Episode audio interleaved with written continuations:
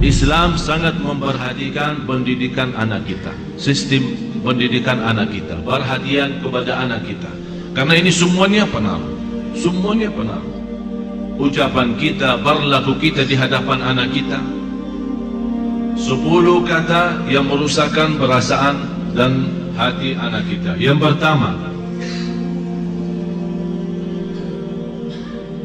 kita suka mencaci maki anak kita.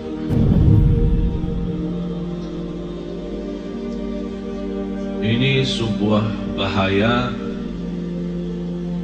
apalagi kalau kita lagi emosi. Dan saya selalu sampaikan kepada jemaah, kalau lagi emosi, jauh daripada anak.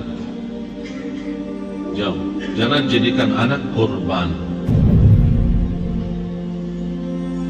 Saya tidak enak membawa ucapannya karena kita di dalam masjid, tapi ada banyak yang saya heran mengucapkan kata-kata yang saya malu sampaikan. Sama siapa? Sama anaknya sendiri. Lalu sama orang lain kita malu mengucapkan, apalagi sama anak kita.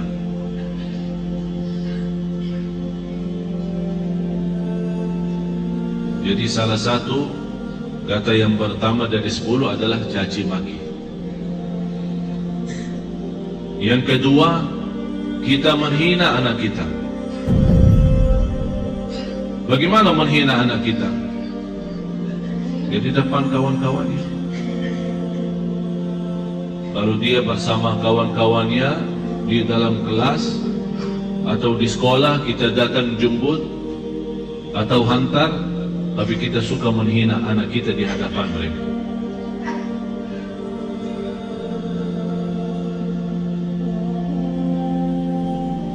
Malah ada yang pernah berkata Saking menghina anaknya.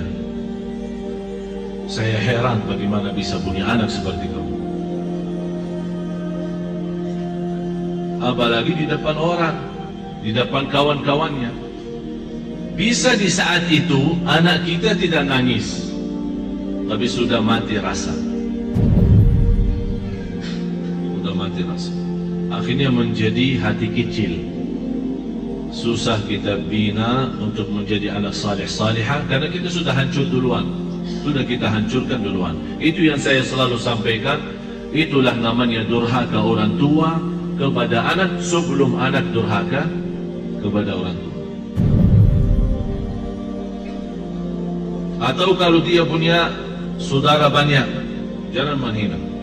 Kalau ada sebuah berlaku yang tidak bisa kita terima, kita bisa nasihati dengan cara yang baik, bukan di depan orang. Karena itu namanya nasihah, bukan fadihah. Nasihah adalah mengingatkan dengan cara yang baik. Tapi fadihah membukakan aibnya di hadapan orang. Alasannya niat saya menasihatin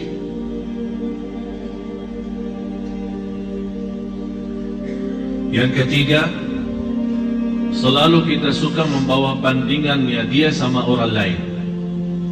Ini lihat, abang kamu jauh lebih pintar. Ini lihat, anak itu luar biasa. Kamu tidak bisa seperti mereka. Itu tidak bahaya itu. Ini mengakibatkan apa? Kecil hati. Yang kedua, benci sama orang itu. Akan menimbulkan rasa benci. Jadi akan selalu berlawan. Di mana ketemu kalau diajak main tidak mau sama. Karena kenapa? Karena kita selalu bandingkan ini A sama B. Apalagi kalau dia punya adik-adik yang lain. Coba adik kamu, abang kamu, kakak kamu, pintar bacaannya, pintar ngajinya, pintar salatnya. Kamu apa sih? Ini mohon, mohon maaf ini bukan bukan sering terjadi malah saya sendiri mendengar di hadapan saya ibu yang membawa tiga anak yang dinyakiti perasaannya satu.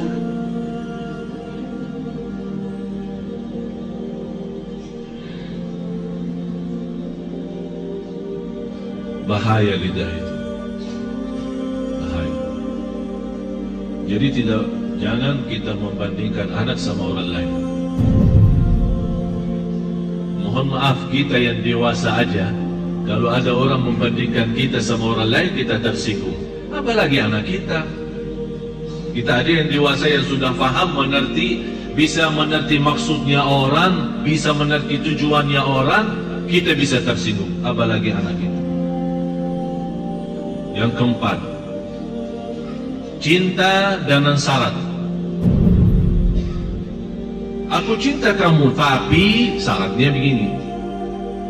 Jadi seolah-olah kita tunjukkan kepada anak kita kalau ibu tidak sayang begini aja ikhlas dan sayang. Tidak cinta ikhlas. Tapi cinta kalau kamu salat aku cinta kalau kamu ngaji.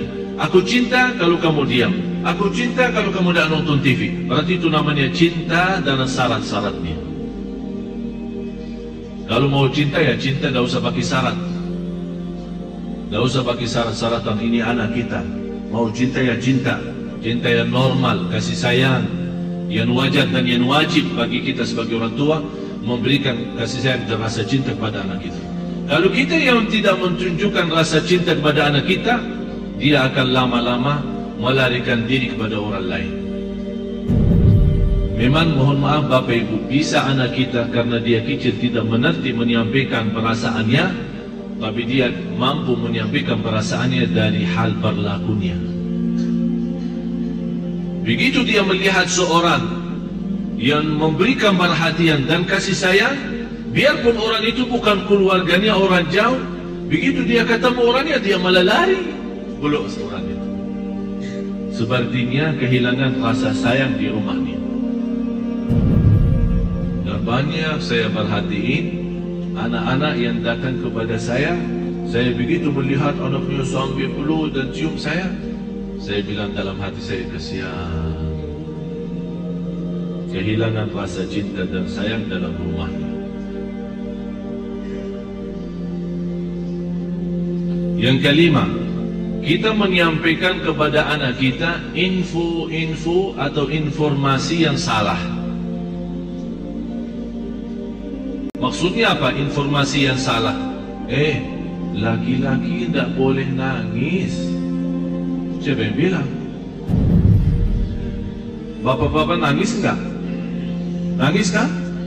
Berarti salah kita berkata sama anak kita, eh kalau laki-laki tidak boleh nangis. Siapa yang bilang? Biarin dia nangis. Kalau dia nangis, ayo nangis lagi saya. Bukan laki-laki tidak boleh nangis. Itu membuat apa? Mengakibatkan sakit jiwa. Karena setiap dia mau nangis, dia bertahan. Alasannya info informasi yang salah, laki-laki tidak boleh nangis. Akhirnya dia tahan-tahan, menjadi beban, lama-lama sakit jiwa. Betul, ini betul. Jangan dianggap, eh, gak, tidak terlalu. Terlalu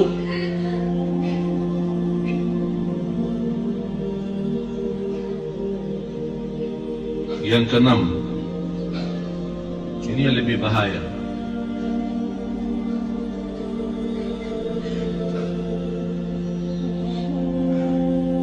Kita selalu memberikan ancaman. Ayo makan habisin. Kalau tidak datang hantu.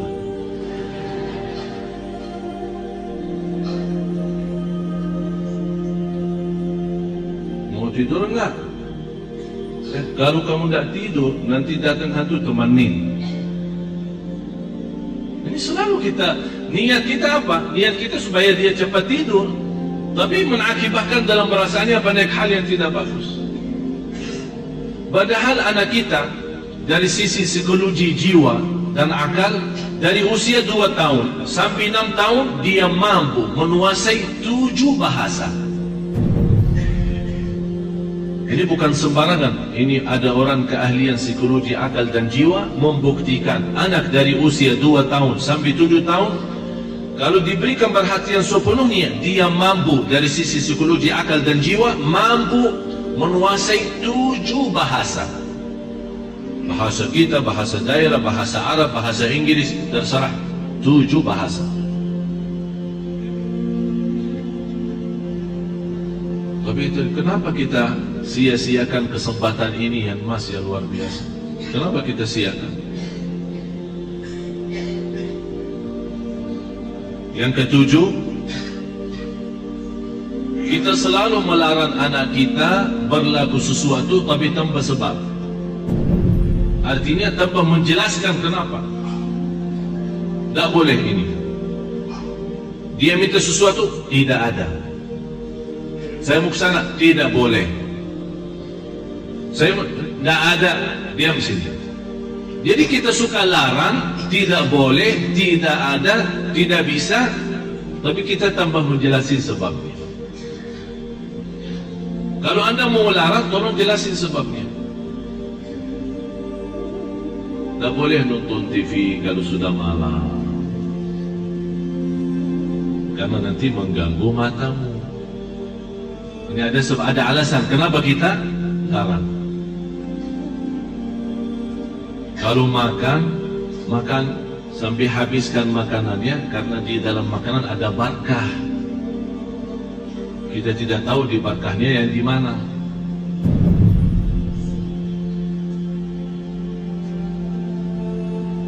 Jangan nonton TV. Ayo sana. Tidur. Ibunya megang remote. Teng, teng,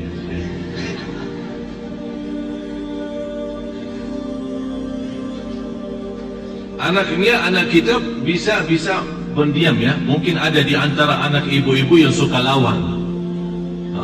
Tapi ada yang diam sudah masuk ke kamarnya. Tapi Allah Maha tahu perasaannya apa di saat itu. Dilarang nonton TV, malah ibunya enak-enak nonton TV.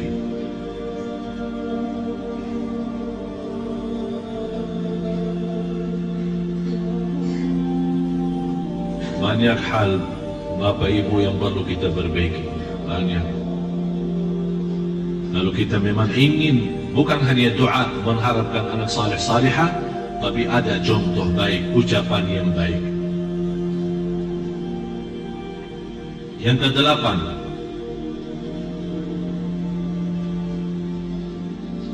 menghancurkan perasaan atau menghancurkan kepercayaan anak terhadap dirinya. Eh, kamu bodoh selama-lamanya, tak bakal jadi bintang. Astagfirullahaladzim.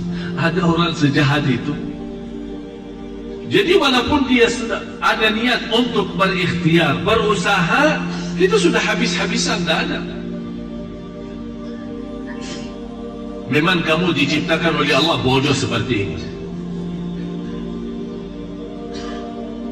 Saya nyesal punya anak seperti kamu.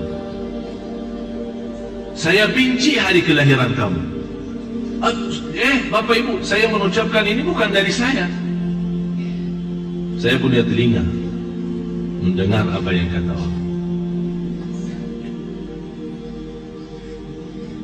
Masa saya benci hari kelahiranku, hari kelahiran kamu? Jadi seolah-olah meningkatkan hari kelahiran anak kita hari misal Sabtu. Jadi saya benci Sabtu gara-gara kamu. Ya Allah, ini sudah betul-betul menghancurkan total anak kita. Yang kesembilan, kita berdoa terhadap anak kita doa yang buruk. Saking kesal perasaan kita sama anak kita dan dia keluar dari rumah tanpa minta izin dan rida kita langsung kita mudah-mudahan kamu celaka. Rasulullah sallallahu alaihi wasallam melarang orang tua mendoakan anaknya buruk.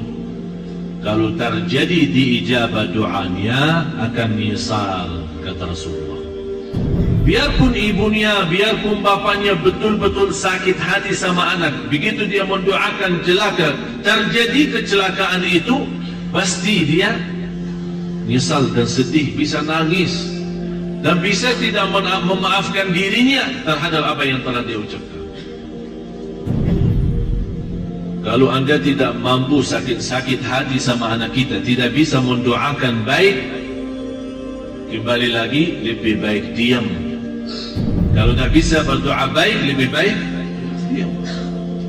Tapi bahaya, jangan mendoakan anak ini celaka. Yang ke sepuluh, kita suka membongkar dan membuka aib anak kita di hadapan orang lain.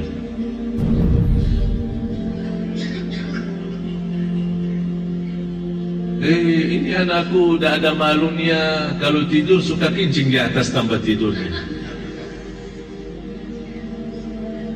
Suka buang air di tempat tidur. Capek aku setiap hari bersihin tempat tidurnya karena bekas kencingnya. Ini kan dicerita sama sama kawan-kawannya di sekolah. Apa yang akan terjadi? Kawannya-kawannya apa? Senang atau gimana? Kesempatan kan? Eh, setiap dia tanya,